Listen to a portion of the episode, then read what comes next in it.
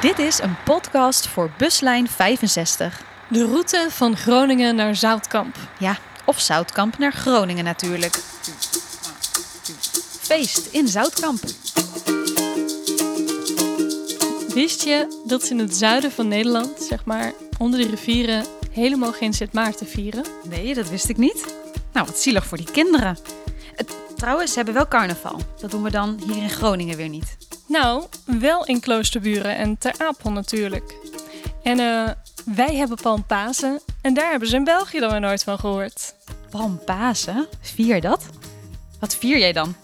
Eh, dan loop je als klein kindje zo door de kerk met een uh, versierd hanenbroodje op een houten stok met allemaal snoepjes. Maar Sinterklaas vieren ze bijvoorbeeld ook in België. En doen ze dat dan weer niet in Duitsland? Geen idee. Ik weet wel dat ze het in het Groningse Zoutkamp anders vieren. Dat heb ik ook gehoord. Dat meen je niet. Hoe kun jij dit verhaal nou ook? Ja, nou, dat doet er niet toe. Dat Sinterklaasfeest in Zoutkamp, daar komen ook kostuums bij kijken, toch?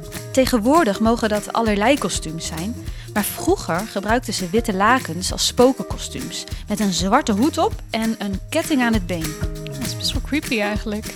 Ik heb alleen onthouden dat het feest iets te maken had met langs huizen gaan en dronken worden. Oké, nou, ik ken dit verhaal beter. Het zit namelijk zo: op de zaterdagavond, die het dichtst bij 5 december zit, kun je ze vinden op straat of zelfs in je huis. De Zunnerklausen. Zunnerklausen? Sinterklaaslopers? Een groepje jonge mannen en vrouwen gaan dan verkleed door de straten en trekken langs huizen van bekenden. Heel belangrijk is dat ze ook een masker moeten dragen en dus onherkenbaar zijn. Dan gaan ze zwijgend naar binnen en dan mogen de bewoners van het huis vragen stellen aan de Sunnerclaws om erachter te komen wie er achter dat masker zit. Ze beantwoorden de vragen door met hun hoofd te knikken of te schudden. Zodat ze zichzelf niet verraden met hun stem. Precies. En de Sunnerclaws moet eerlijk antwoorden. En als er geraden wordt wie achter het masker zit, dan wordt er een drankje ingeschonken. Een borrel. Een klokje. Totdat het dorp op het einde samenkomt. Maar uh, dat gebeurt toch ook op de Waddeneilanden? Ja, van, volgens mij van Texel tot en met Borkum worden soortgelijke feesten gehouden. En waarom dit feest zich nou juist rond de Waddenzee afspeelt, dat blijft een beetje de vraag. Het zou bijvoorbeeld kunnen dat Sinterklaas niet alleen beschermheilige van kinderen is, maar ook van zeelieden. Dat is misschien ook waarom de Sint een stoomschip heeft. nou, er zijn ook veel kerken in vissersplaatsjes met Sint-Niklaas als heilige. Heel vroeger lagen de Groninger dorpjes Oldenzeil en Oosternieland aan de kust. En dus speelde de zee een grote rol in het dagelijks leven van de inwoners. Beide dorpjes hebben dan ook een Sint-Nicolaaskerk.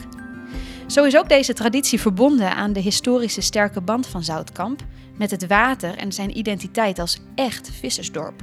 Um, overigens is Sint-Nicolaas ook beschermheilige van een hele uh, reeks bevolkingsgroepen met twijfelachtige beroepen zoals prostituees, dieven, moordenaars en piraten. Dat wist je niet, hè, van de Goedheiligman.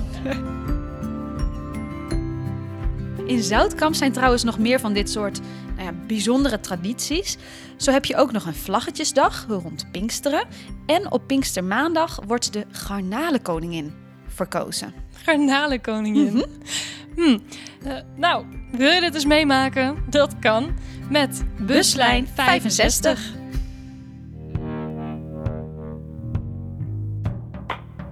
Wil je meer horen? Op Spotify zijn alle afleveringen van deze buslijn te vinden. En daar vind je ook nog andere podcasts van Cubus. De verhalen van reizigers en buschauffeurs bijvoorbeeld. We maakten dit luisterverhaal in opdracht van Cubus. De verhalen zijn geschreven door Sanne Meijer en bewerkt en ingesproken door ons. Radiomaker Marjolein Knol en theaterdocent Annelieke Knol.